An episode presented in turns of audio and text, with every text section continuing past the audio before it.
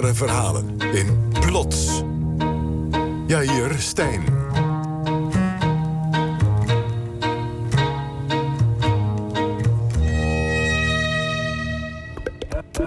Jennifer, wanneer is een verhaal geschikt voor jullie, voor deze rubriek? Ja, het moet wel meer dan een anekdote zijn. Het is iets meer betekenen. Afgelopen kerst waren radiomaker Jennifer Patterson en ik te gast bij het programma Spijkers met Koppen. Ze wilde weten hoe we aan onze verhalen komen. Het is vrij moeilijk om deze verhalen te vinden, omdat het vaak heel intieme verhalen zijn. Het, het is niet wat... We legden uit waarom mensen die zelf naar ons toe komen zelden een goed verhaal hebben. Wij willen namelijk geheimen horen. We willen weten waar het pijn doet. Eh, Wij willen gewoon alleen maar de oh, meest schaamtevolle verhalen horen. Juist. Kortom, wij willen juist de verhalen horen die mensen niet willen vertellen. En toch, ondanks deze waarschuwing, deed co-presentator Felix Murders aan het einde van het gesprek een oproep aan het publiek. Zijn er mensen die denken dat ze een bijzonder verhaal hebben hier? Nee, het stelt niks voor. Ja, ik hoor een paar mensen Ja, knikken. zie je, het duurt even, Felix. We zien een man van rond de 60 die driftig knikt, maar we hebben geen tijd om met hem te praten. Jennifer loopt naar hem toe en vraagt hem om zijn e-mailadres. En ze spreekt gelijk met hem af. En dat terwijl ze geen flauw idee heeft wat hij te zeggen heeft. Dit is trouwens plots met wonderlijke ware verhalen rond één thema. Het thema vandaag is de baas, met verhalen over macht en onmacht. En we beginnen gelijk met het verhaal wat Jennifer te horen kreeg toen ze afsprak met deze man uit het publiek. Hij vertelde uit vrije wil over de meest pijnlijke periode uit zijn leven. Acte 1. De klachten. Hij wil liever niet dat ik zijn achternaam noem. Dus ik noem hem gewoon Peter. Hij is anders dan ik me kan herinneren. Een forse man met een zwierige rode sjaal. Hij lijkt te groot voor de kleine ruimte waarin we zitten, zowel qua postuur als qua persoonlijkheid. Tegelijk is hij wankel. Ik weet niet wat hij me te vertellen heeft. We zitten een beetje onwennig naast elkaar. Dan begint hij over een vakantie samen met zijn vriendin bijna twintig jaar geleden. We boekten een weekje naar Kreta. Scootertje gehuurd, eilandje afgekrost. Na drie dagen had ik iets van, hé, hey, wat voel ik voor een raar, heb een raar gevoel in, eh, in mijn benen. Ik, ik, ik, merkte iets dat het niet in orde was. Maar ja, goed. Je rijdt nog een dagje rond en je, je, het een beetje weg. Maar het, het bleef. Als hij nauwelijks meer kan lopen, breken ze de vakantie af en gaan ze terug naar Nederland. Ze gaan gelijk naar het ziekenhuis. Toen stond uh, neuroloog Lanting aan mijn bed en die sprak eh, de nou, zeer korte bewoordingen tegen mij. Meneer, ik heb eh, geen goed nieuws. Die heren kunnen dat zo lekker neutraal zeggen. Meneer, u heeft eh, MS. En wij kunnen eigenlijk voor de rest niks aan u doen. En u mag morgen naar huis. Ik stel me in op een verhaal over het tragische verloop van de zenuwziekte. Een verhaal over pijn en toestanden in het ziekenhuis. Maar dan blijkt dat de MS hem nauwelijks bezighoudt. De ziekte was slechts het begin.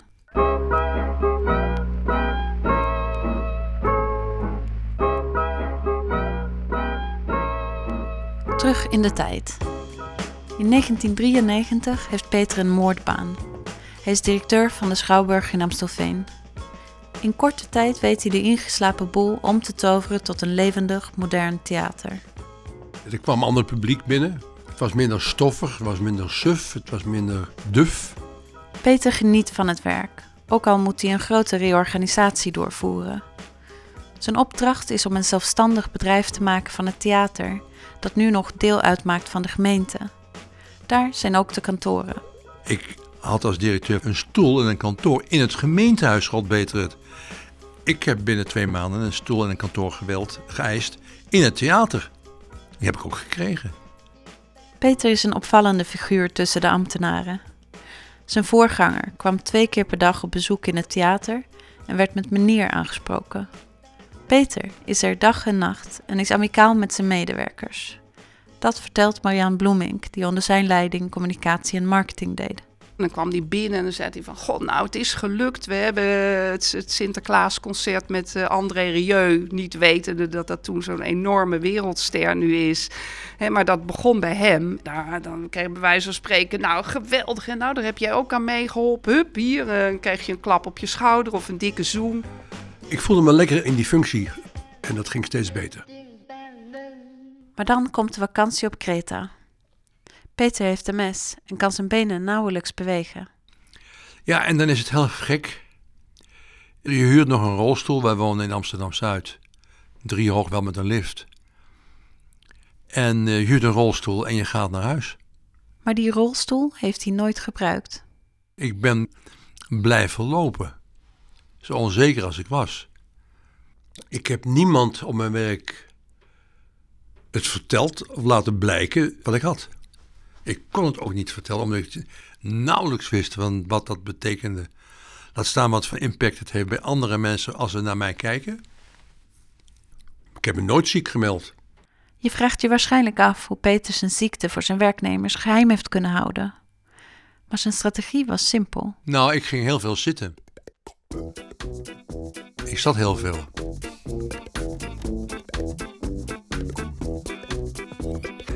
Peter slaagt erin om zijn fysieke problemen te verbergen. Maar hij is niet onkwetsbaar. Op een dag loopt een vrouw zijn kantoor binnen. Het is een maatschappelijk werkster van de gemeente en ze heeft een envelop bij zich. Ze zegt: Nou, uh, hier zitten uh, twee klachten in. Over u. Klachten. Wat voor klachten? Uh, ik kan het woord nog steeds moeilijk uit mijn mond krijgen, weet je dat? Uh, seksuele intimidatie. Ik was stupefait. Ik had zoiets van, wat, wat gebeurt mij hier? Dit, dit, dit is toch een, een verkeerde film waar ik in zit? Dit ben ik niet. Zoals, dit, zoals ik toen er in een aantal regels werd beschreven. Toen ik thuis kwam, je komt thuis en je moet je partner vertellen, waar je inmiddels een vier jaar prima relatie mee hebt, dat... Uh, dit, dit de inhoud van de envelop is. Dit is Bette, zijn partner van toen. Hij kwam s'avonds thuis en zei: Er is een klacht tegen me ingediend voor seksuele intimidatie. En uh, ik wist op dat moment dat ik dat zei, dus nog niet waar het om ging. Maar ik zei dat ik er niet van opkeek. nou, en die sprak de legendarische woorden: Nou, het verbaast me niet helemaal. Maar dat kwam. Peter is altijd heel lijfelijk geweest, dat is hij nog steeds. Alle mensen die hij tegenkomt, die hij kent, gaat een arm omheen. Ja, dat kan volledig verkeerd geïnterpreteerd worden. Peter is blijkbaar niet veel veranderd, want de tweede keer dat ik hem zie, krijg ik een handkus. Zo kent oud-collega Marian Bloemink hem ook. Als je zo'n mens bent, is dat je kracht, maar kan het ook je valkuil zijn. dat je dan ook snel geraakt kunt zijn of, of pijn gedaan kan worden. Nu er een officiële aanklacht tegen hem ligt, kan Peter niet terug naar zijn werk. Samen met Bette buigt hij zich over de beschuldigingen. De eerste klacht komt van een van de kaartverkoopsters, die zegt dat Peter haar midden in de nacht opbelt met perverse praatjes. Bette neemt de aantijging niet serieus dat was ook gewoon niet zo. Omdat ik, hij was, we waren meestal samen. Dus zeker s'nachts wist ik dat er niet getelefoneerd werd. Ik hoor alles. De lift hoor ik hier s'nachts. Als er iemand in de lift zit, hoor ik onmiddellijk. De tweede klacht is ernstiger. Een technica zegt onzedelijk betast te zijn door Peter. In de klacht stond dat hij zijn hand op haar bil gelegd had. In een krant uit die tijd staat dat hij haar benen, billen en borsten zou hebben betast maar ook een royale handdruk wordt hem ten laste gelegd. Bij benoeming, dat ze benoemd was tot theatertechnica, gaf ik er twee handen in plaats van één hand. Van, van harte gefeliciteerd met je benoeming.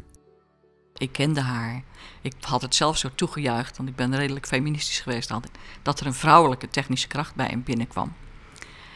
En uh, ja, het, het was niet een vrouw die maar enigszins viel onder wat Peter een leuke vrouw vond. Volgens Bette was het geen toeval dat juist de technica met een aanklacht kwam. Peter had zich tijdens de reorganisatie niet geliefd gemaakt bij de technici. wat er gebeurde was dat er uh, de technisch mensen stelden zich op als ambtenaren. Als je in een theater werkt, behoor je gewoon s'avonds te werken. Voor hun was s'avonds werken overwerken, omdat ze ambtenaar waren. En dat, dat moest onder andere gereorganiseerd worden. Dus die technische ploeg die heeft zich tegen hem gekeerd, omdat ja, hij nam ze hun uh, privileges af. Jo Hors werkte al 24 jaar in de Schouwburg en was in die tijd hoofd van de technische ploeg. Hij vertelt dat Peter al vanaf dag 1 begon met zijn bezuinigingen. Als theatertechnici, als je minder dan twee uur dinerpauze hebt, dan mag je eten kopen tot een bepaald bedrag. Nou, ik geloof dat de eerste of tweede dag kwam hij vertellen dat dat bedrag dat, uh, dat werd gehalveerd of zo. Nou, als je binnenkomt als directeur zijn en je begint daarmee, je een hele grote fout volgens mij. Want die hele technische ploeg, en dat waren een man of acht, die was vanaf dat moment heel erg anti-Peter. De veranderingen zetten kwaad bloed, maar ook de manier waarop hij het doet, zonder overleg. Hij was toch een beetje zo van, ja, dit, ik, ik, ben, uh, ja, ik ben de baas en zo gebeurt dat. Ja, hij was toch wel redelijk autoritair uh, in, in, zijn, uh, in zijn manier van leiding geven. En op een gegeven moment dan, ja, dat wordt, ja, ja, ik wil niet zeggen oorlog, maar daar wordt ook over gemopperd. En dan ja, ik bedoel die seksuele intimidatie van die van beschuldigd werd. Ja, als je dan een, een, een, groot gedeelte van het bedrijf tegen je hebt, ja, dan wordt het moeilijk voor je. Op internet ga ik op zoek naar de technica die de aanklacht had ingediend. Zij heet Marlijn Lafarre. Ik mag bij haar langskomen. Ze is klein maar fel en heeft een jongensachtige uitstraling. Waar het om draaide. En dat is natuurlijk altijd heel lastig in dit soort dingen, want het is zo moeilijk bewijsbaar. Ik bedoel, dit ging om subtiele handelingen. Ik kan het niet voordoen, maar had een manier van een arm om je heen slaan. En dan onder je schouder. En dan net een klein stukje te ver over je borst. Het waren allemaal net grensoverschrijdende dingen. En uh, dat vond ik bijzonder onprettig. En dan is er een personeelsborrel in het theater. Het is vijf uur middags.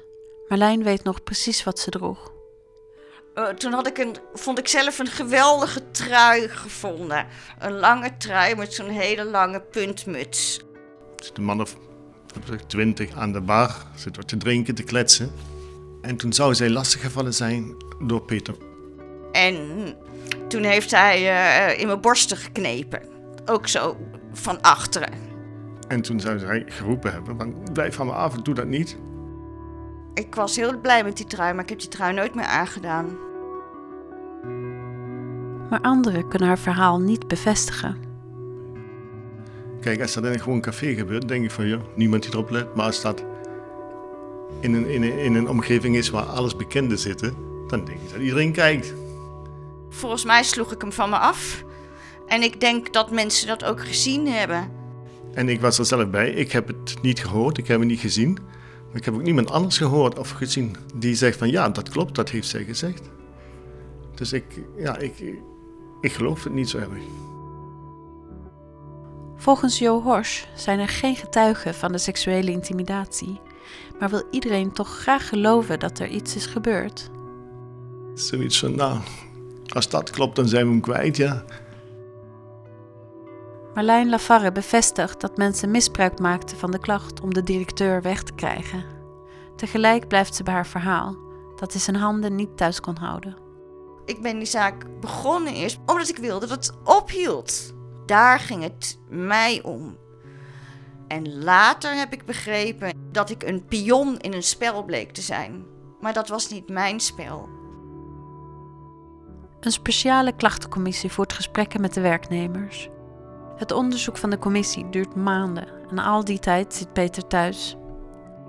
Wat de zaak lastig maakt is dat de incidenten jaren geleden zouden hebben plaatsgevonden.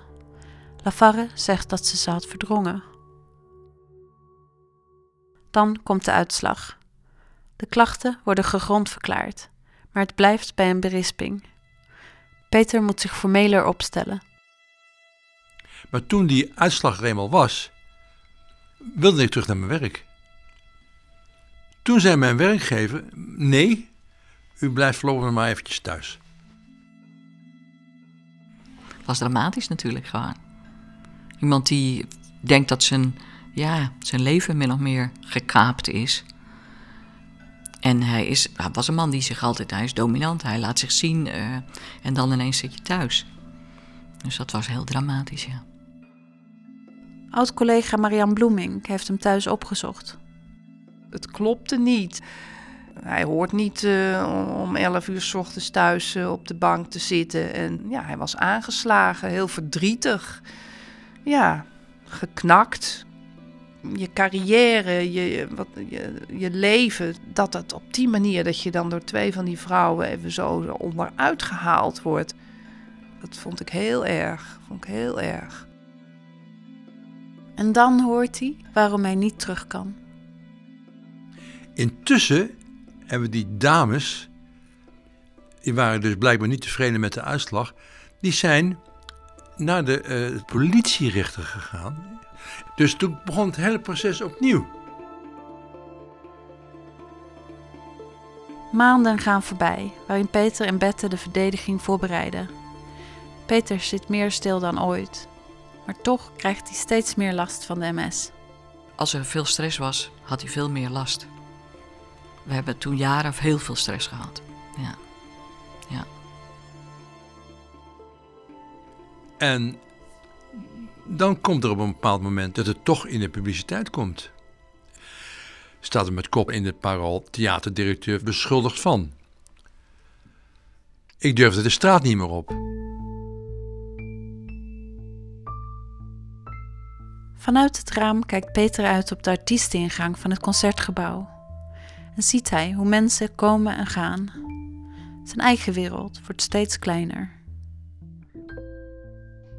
Dan wordt hij uitgenodigd om naar een repetitie te komen van het nieuwe toneelstuk van Peter Faber, een acteur die hij persoonlijk kent. Het stuk gaat over een professor die door een studenten vals beschuldigd wordt van seksuele intimidatie. Met totaal niets realiserend stap ik naar de repetitieruimte binnen en daar hangt een prikbord met wel tien verschillende knipsels met mijn naam en wat er allemaal aan de hand is. Ik was vooral, vooral verbaasd. Ik, het raakte me, ergens raakte het me niet. Want ik, ik was dit niet. Ik was niet die man van die klachten. En Peter Faber, die, die verontschuldigde zich nog volgens mij. Zei, ja, wij gebruiken dit, jouw, jouw eh, publiciteit eigenlijk, als inspiratiebron om in te leven in dat toneelstuk. En nou, dan heeft toch iemand nog wat enig vrucht gebruikt van deze affaire voor mij. Peter Faber kan zich van de krantenartikelen niets meer herinneren. Maar hij weet wel wat Peters reactie was toen hij het toneelstuk zag. Toen hij de voorstelling zag, de doorloop zag, was hij echt heel enthousiast en uitbundig. Ja, ah, ja, ja, dit is het. Dit is precies waar het over gaat. Dit is wat ik heb meegemaakt. Dit is... Uh... Maar hij was even, denk ik, rondgraaiend, wanhopig. Uh, hou vast zoeken, steun. In drijfstand was hij terechtgekomen. Na een aantal weken komt de rechtszitting. De zaal zit vol. Dus daar zaten mijn kinderen. Daar zaten Huub Stapel, daar zat die en daar zat die iedereen was er wel. Nou, dat soort support heb je dan ook nodig in die tijd dat je daar drie hoog in Amsterdam-Zuid zit en te kijken van wat is deze wereld nog voor mij waard. Want je ziet wel dat je wereld in elkaar dondert. Drie weken later volgt de uitspraak. Ik ben totaal vrijgesproken van alles. Een enorme opluchting. Geen feestgevoel. Zij hebben niet gewonnen, de Klaasers niet. Ik heb niks gewonnen. Eigenlijk hebben we allemaal verloren. Peter is vrijgesproken, maar zijn baan is hij kwijt. Ik begon wel langzamerhand te realiseren dat ik die baan van schampdirecteur daar niet meer kon uitoefenen. Dat gaat niet meer gebeuren.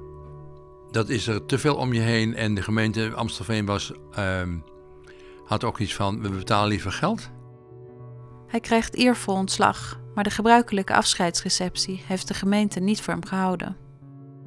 Er is, er is ook twee jaar geweest dat ik Amstelveen geografisch gemeden heb. Bijna een soort ademnood van ik wil hier niks mee te maken hebben. Maar misschien kan hij ergens anders aan de slag als theaterdirecteur. Er was een periode dat ik ook de, de directeur van Carreo regelmatig ontmoette.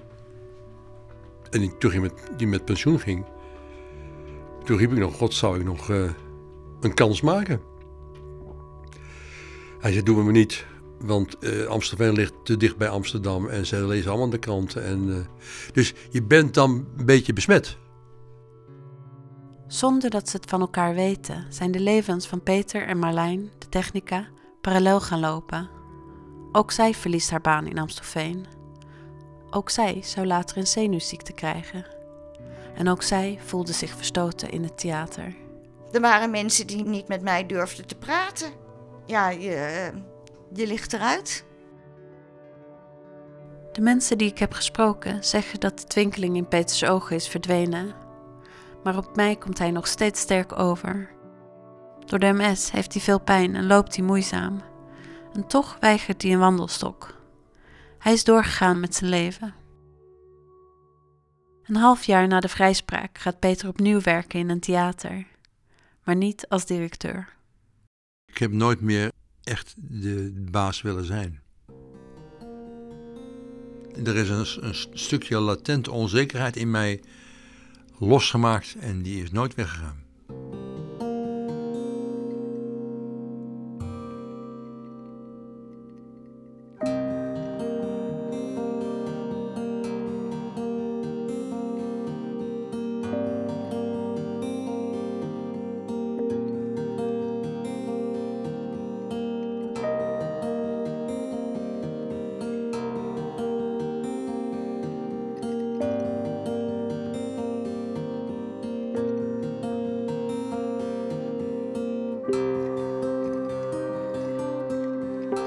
Dit is Plots met wonderlijke ware verhalen rond één thema. Thema vandaag, de baas.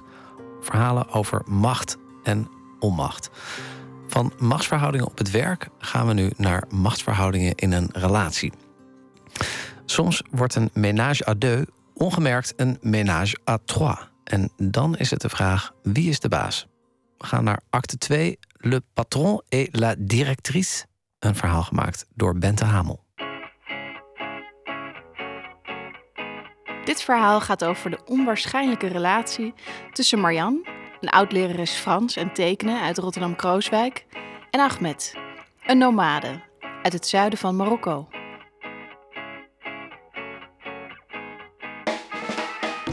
Marjan komt voor het eerst in Marokko in de jaren 90 en ze is op slag verliefd op het leven aan de rand van de woestijn.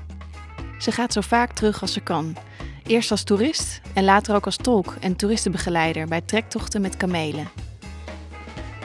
Het is op een van die tochten dat ze Ahmed ontmoet. Een statige nomade met een doorleefd gezicht dat half schuil gaat achter een omslagdoek of chess. Het was ergens ja, waar ze met de kamelen weggingen, een soort van uh, pleisterplaats. En hij kwam daar aan en ik dacht, zo, dat is toch wel een stuk, die man. Als iemand zo'n zes voor zijn mond heeft en je ziet alleen die ogen met die hele kleine plooitjes in de hoeken van die ogen. Door, door de wind en weer en zon en zo. En dan die twinkeling. En die mensen daar hebben ogen die schitteren een beetje. Dat, dat is zo mooi. Hij kon uren vertellen, maar daar begreep ik toch niks van toen. Maar die ogen die je aankeken, dat was het.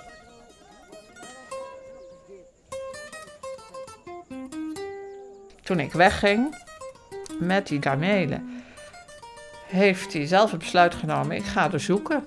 En toen heeft hij 30 kilometer of langer door die woestijn gelopen tot hij onze plek vond waar we met de kamelen stonden. En ik weet het nog als de dag van vandaag. Ik zat daar thee te drinken en ik zie daar iemand over de duin komen. Ik zeg, kijk nou wat?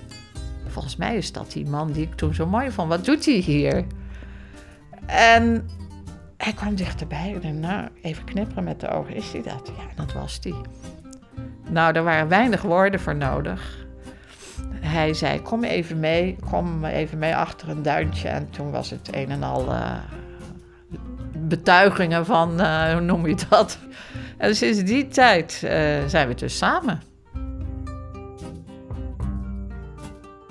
Na die eerste ontmoeting duikt Ahmed steeds opnieuw op, op de meest onverwachte momenten. Dan zag ik hem weer ergens op straat en dan achter in een café zaten we te smoezen.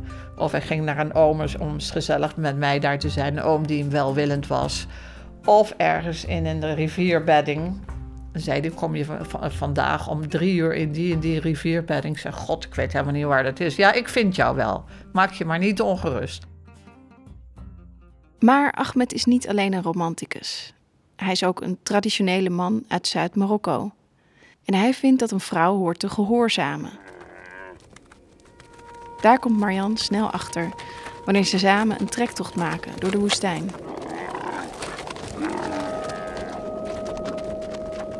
Dan loop je 40 kilometer en dan wil je gaan zitten. Wat zitten? Helemaal niet zitten. Brandhout halen. En dan, dan moet je dus een kampvuur maken. En in het begin kon ik dat niet. En zei, nou, waardeloos hoor. Echt keihard. Geen flauwekul. Daar houden ze niet van. Ze, ze, ze, ze, ze, zij zijn zo gewend aan allerlei harde situaties. Marjan laat zich niet uit het veld slaan door Ahmeds botte opmerkingen. Sterker nog, ze houdt wel van tegengas. Ik uh, weet niet waarom, dat zou je aan een psycholoog moeten vragen, maar als een man te lief is, dan stamp ik hem de bodem in. Ik moet iemand hebben die, die weerstand geeft. Want anders dan, uh, dan wordt het een knechtje. Dan zeg ga jij naar de keuken, doe dit. Ga daar, haal dit voor me. ik heb ergens iets, iets autoritairs, iets, ja, ik weet niet. En ik weet dat ik met hem, het is geen kantoorklerk, hij zal zich gewoon, hij laat zich merken. Hij, hij, hij is iemand.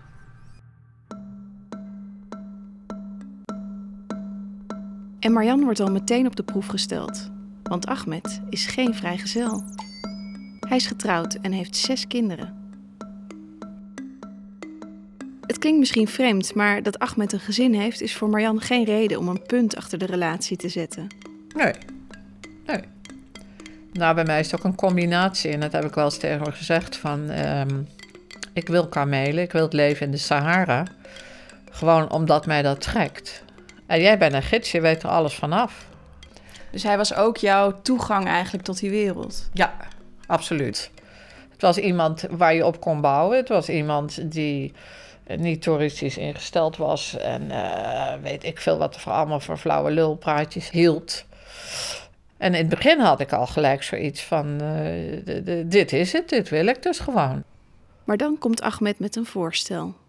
Op een dag zei hij dus tegen mij: Wij gaan mijn familie zien. Ik dacht: Oh nee, hè? ja, je moet de familie zien. Hè? Je moet iedereen zien: mijn moeder en mijn eerste vrouw en mijn zus. En dus gaat Marjan mee om Ahmeds familie te ontmoeten. Die wonen in een nomadentent midden op een kale vlakte. Ik kom daar aan en ik zie er een vrouw in zo'n mooie omslagdoek bij de, bij de ingang staan van de tent. En ik zie een andere met pot en pan. Ik denk, ja, ik weet nou niet wie de eerste vrouw is. En ik kan wel zien wie de moeder is. Die zit op de grond, die is ouder. Maar wie is nou de eerste vrouw en wie is nou de zus? Marjan hoeft niet lang te raden wie de eerste vrouw is. En die is niet blij met Ahmeds nieuwe aanwinst. Nou, die eerste vrouw liep met een hele boze blik, met allerlei pannen te zwaaien. En boink in de keuken, en boink terug. En die keek zo met een venijnige blik. En die was eh, echt pissig. Dus ik zei, vindt ze het wel leuk? Ja, nee, ze is ergens anders boos over. Dus ik dacht, nou, ik weet het niet. Dat Ahmed Marjan meeneemt naar zijn huis is niet zo raar als het misschien lijkt. Bij de nomaden is het normaal dat een man meer vrouwen heeft. Ze mogen vier vrouwen hebben. En meestal slapen alle vrouwen in één tent of in de ene helft van de tent en alle mannen in de andere helft van de tent. En als een man met een vrouw wil zijn, dan zetten ze een tentje een eindje verder van de grote bruine tent neer en dan verblijft, verblijven ze daar een paar dagen. En zo gaat het dan ook. Marjan slaapt met Ahmed. Tenminste, de eerste nacht. Maar de tweede nacht kwam de zuster bij slapen. En de derde nacht werd ik verdorie helemaal verwezen naar zus en moeder. Mocht ik daar slapen, ging Ahmed met zijn vrouw slapen. Nou, dat vond ik toch wel. Eh, toen stonden de tranen in mijn ogen. Ik dacht: God, waar ben ik mee bezig? Ik ga hier weg. Het was één gewoon jaloerse toestand. Met het idee van s'nachts heeft zij hem en overdag heb ik hem. Hè? Maar hoe krijg ik haar het, gauw, het snelste weggewerkt? Dat waren gewoon de, gevoelens over en weer. Na het rampzalige bezoek aan Ahmeds familie besluit Marjan: dit was eens en nooit weer. Ze moeten een andere plek vinden om elkaar te zien. Al snel dient zich een praktische oplossing aan. Ahmed stelt voor dat hij een leme huis zal bouwen. Op een lapje grond, zo'n 80 kilometer van de plek waar zijn familie bivakkeert in de tent. Dan hebben we een eigen plekje. Marjan stemt in met het plan. Zij zal de materialen betalen. Ahmed zal zorgen voor de bouw. En hij let op het huis als Marjan in Nederland is. Dus hij begonnen met één kamer te maken van leem en de sliepen boven op het dak. Nou, en iedere keer kwam er weer een stukje bij en dan kwam er weer een stukje bij en dan ging ik weer weg en dan zat hij daar weer eens in eentje en dan kwam er weer een stukje bij. En zo vordert de bouw van hun huis, langzaam maar zeker. Alleen gebeuren er soms rare dingen. Zo is er het kamertje dat Ahmed bouwt. Hij maakte een kamertje dat, dat, voor de schapen was. Ik zei, dat is niet voor de schapen, dat wordt de zitkamer. Nee, het is voor de schapen. En toen zag ik daarna, want dat had ik eerst niet door, hoe die schapen gehuisvest werden tussen oude autodeuren en, uh, en afval. Maakte een soort van afscheiding. Toen dacht ik, nou, dat is nooit voor de schapen geweest. Mooi niet. Daar had hij al een idee.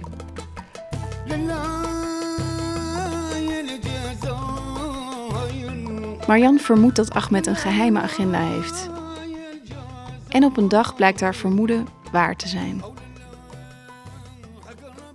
Ik was toen in Nederland en ik hoorde via via dat uh, de eerste vrouw dus uh, daar een, tijdje was komen wonen. En ik boos, ik zei, ja zeg, luister eens, uh, zo gaat het beginnen. En toen zei ja, maar ik moet toch ook haar zien? Ik kan toch hier niet constant in mijn eentje zitten? Ik zei, ja, maar dit is toch onze stek? Ja, maar zij moeten toch ook komen. En zo nu en dan, en ze blijft niet te lang. En dan gaat ze weer weg. En ze had ruzie met haar broer. En daarom moest ze een tijdje hier komen. Enzovoort, enzovoort. Maar datzelfde verhaal, dat herhaalde zich telkens. En op een dag hoorde ik dus, ja, ze heeft al de spullen meegenomen op een vrachtwagen. En ze is met al haar kinderen hier naartoe gekomen.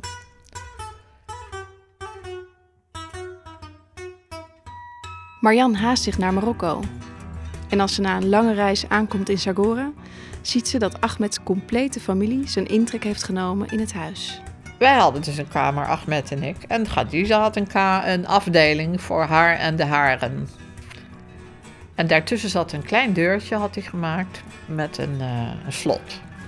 En er zat slot aan twee kanten, dus als zij niemand wou binnenlaten, zat het slot aan haar kant dicht. En als ik niemand wil binnenlaten, zat het slot aan mijn kant dicht.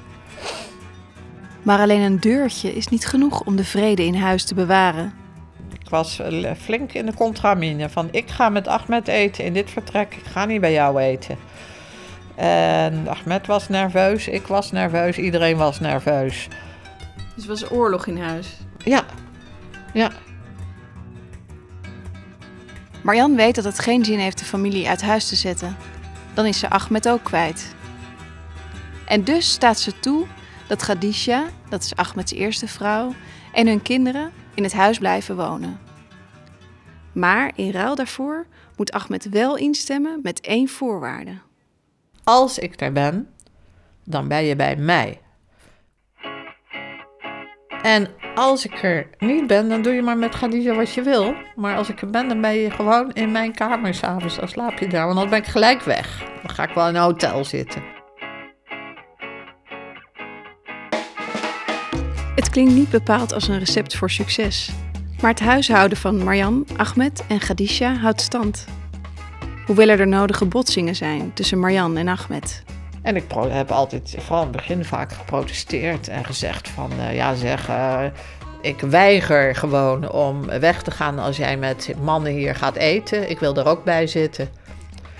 Of dat ik ineens riep tegen mensen van wees welkom in mijn huis. Terwijl het ook zijn huis was. En dan werd hij roodgloeiend, want het was heel... Hij schaamde zich. de eerste vrouw zei ik, zei, waarom doet hij zo boos? Ja, hij schaamt zich omdat je zegt, wees welkom in mijn huis. Het is toch ons huis? En toen zijn we tot slot van gekomen van, nou, hij is le patron en ik ben de directrice. Ik heb toch de financiën, maar hij is wel le patron. Hij moet wel naar de buitenwereld kunnen bewijzen dat hij dat uh, stelletje vrouwtjes toch een beetje bij elkaar houdt, weet je? Dat hij de baas is. Dat hij de baas is. En is het gelijkwaardig? Want jij hebt natuurlijk de financiële positie en de afhankelijkheid van hem daarvan. Is, is het in balans? Het is zeker in balans, want hij is in staat om te zeggen: bekijk het maar. Hij is erg trots hoor. Dus hij is in staat om te zeggen: nou dan niet, bekijk het dan maar. Dan verkopen we alles. Uit, finitos. Hij heeft natuurlijk altijd gezocht naar, naar verbetering van zijn positie. Maar het gek is dat datzelfde idee bij mij ook was. Van ik zoek eigenlijk ook wel een gids met kamelen, want alleen kan ik het niet. Dus ik kan hem dan niet verwijten. En op zijn duur groeien naar elkaar en dan weet je hoe iemand is. En je wordt overal begroet, bonjour madame, en hoe gaat het met uw man, en dit en dat. Dus het is de, de, de, de andere kant op gegaan, zeg maar. En jullie hebben allebei iets te verliezen als, als je weg zou gaan. Ja. ja. Ondertussen blijft er tussen Marianne en Khadija veel jaloezie bestaan. Marianne houdt streng vast aan haar regel. Als ze in Marokko is, slaapt Ahmed bij haar. Zelfs als Khadija hoogzwanger is. Maar dan op een nacht wordt Marianne wakker van het geluid van steentjes tegen haar raam. Ik hoor een steentje. En nog een steentje, nog een steentje. Ik denk, wat is dat nou? Dus ik ga kijken en daar staat Khadija. En uh, die zegt, ja, het is zover. Dus ik zeg tegen Ahmed, volgens mij gaat ze bevallen. Nou, en nu? Dus hij draait zich om. Dus ga eens even kijken.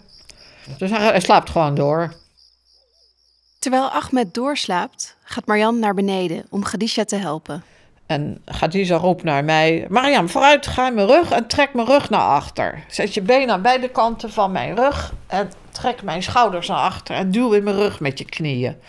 Dus ik duw in die rug en duw in die rug. En Khadija die ah, ah, ik ga dood, ah, ik ga dood, ik wil nooit meer kind, ah, ik ga dood. Of ze het nu wil of niet, Marjan is deel van de familie geworden. Als Ahmed een keer erg ziek is, komt ze direct naar Marokko. En als zijn moeder overlijdt, is ze erbij bij de begrafenis. En in huis houdt bijna niemand zich nog aan de scheiding tussen de kamers. Als er wordt gegeten, komt een van de kinderen zo mij roepen: Marianne, we gaan eten, ontbijt. En dan zit dan de hele clan in mijn zitkamer. Snap je? Het is moeilijk om die familie te controleren in die compound. Hè? Is krioelen altijd maar naar binnen en naar buiten, of er nou gasten zijn of niet. Die kleintjes lopen altijd overal rond. Op een gegeven moment, ik sliep ook, een van de jongste zoontjes van vijf, tussen Ahmed en mij. Ik heb die Mariam. Ik zei, wat is er? Ik zei, oh, je hebt weer je broek geplaatst. Ja, kun je me Khadija vragen om een nieuwe broek? Dus ik naar beneden. Khadija, Mohammed heeft in zijn broek geplast. Ik moet een broek hebben. En dan krijg ik een broek gegooid. En dan zeggen ze, ja, zorg, je moet zelf maar tegen je zoon zeggen dat uh, je niet meer zoveel moet plassen. Dan denk ik, zoon, zoon? Mohammed hoort bij mij dan ineens. En dat geeft aan de ene kant wel een gevoel van trots. Van, nou ja, je hoort erbij. Als je je voorstelt de ideale wereld, hoe zou dan je relatie met Ahmed zijn als je alles voor te zeggen had? Ik geloof dat als ik met Ahmed alleen zou zitten, dan zou hij niet zichzelf zijn. Dan zou hij wegkwijnen, omdat het niet zijn cultuur is. Hij heeft mensen om zich heen nodig. Dit is Ahmed compleet. Zo, zo heb je hem en anders niet. Ja, precies. Maar jij ambieert, zou niet met hem geambieerd hebben de eerste vrouw te zijn? God, nee. Nee. Want dat werkt niet. Ik geloof niet bij, bij geen enkele man, niet bij mij. Nee, daar ben ik veel te vrijgevochten voor, weet je. Dat zou gewoon niet werken. Ik geloof dat we op dat punt wel evenwaardige bandieten zijn.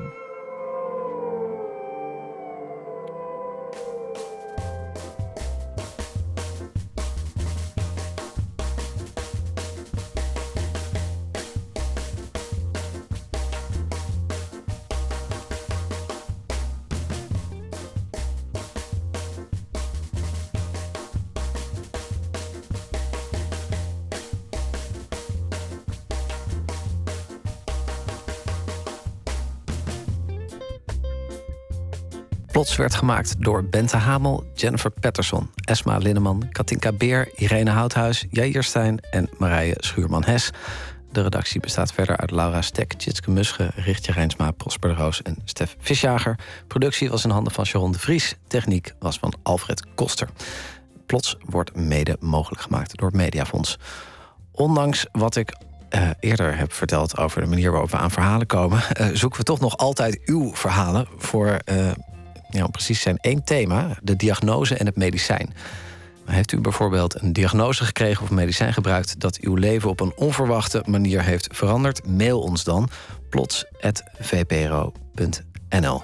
Op onze website zien we uh, ook uw reacties op deze uitzending graag tegemoet. Verslaafd ben ik daaraan, dus blijf ze posten op vpro.nl/slash plots. En op de site kunt u ook lid worden van de Plots podcast. Straks Bureau Buitenland met Harm Ede Bordje. Volgende week eigenzinnige verhalen in Studio Itzerda. En volgende maand, op de laatste zondag van de maand, zoals gebruikelijk een nieuwe Plots. Die valt op zondag 28 april. Het thema is dan verdwijnen.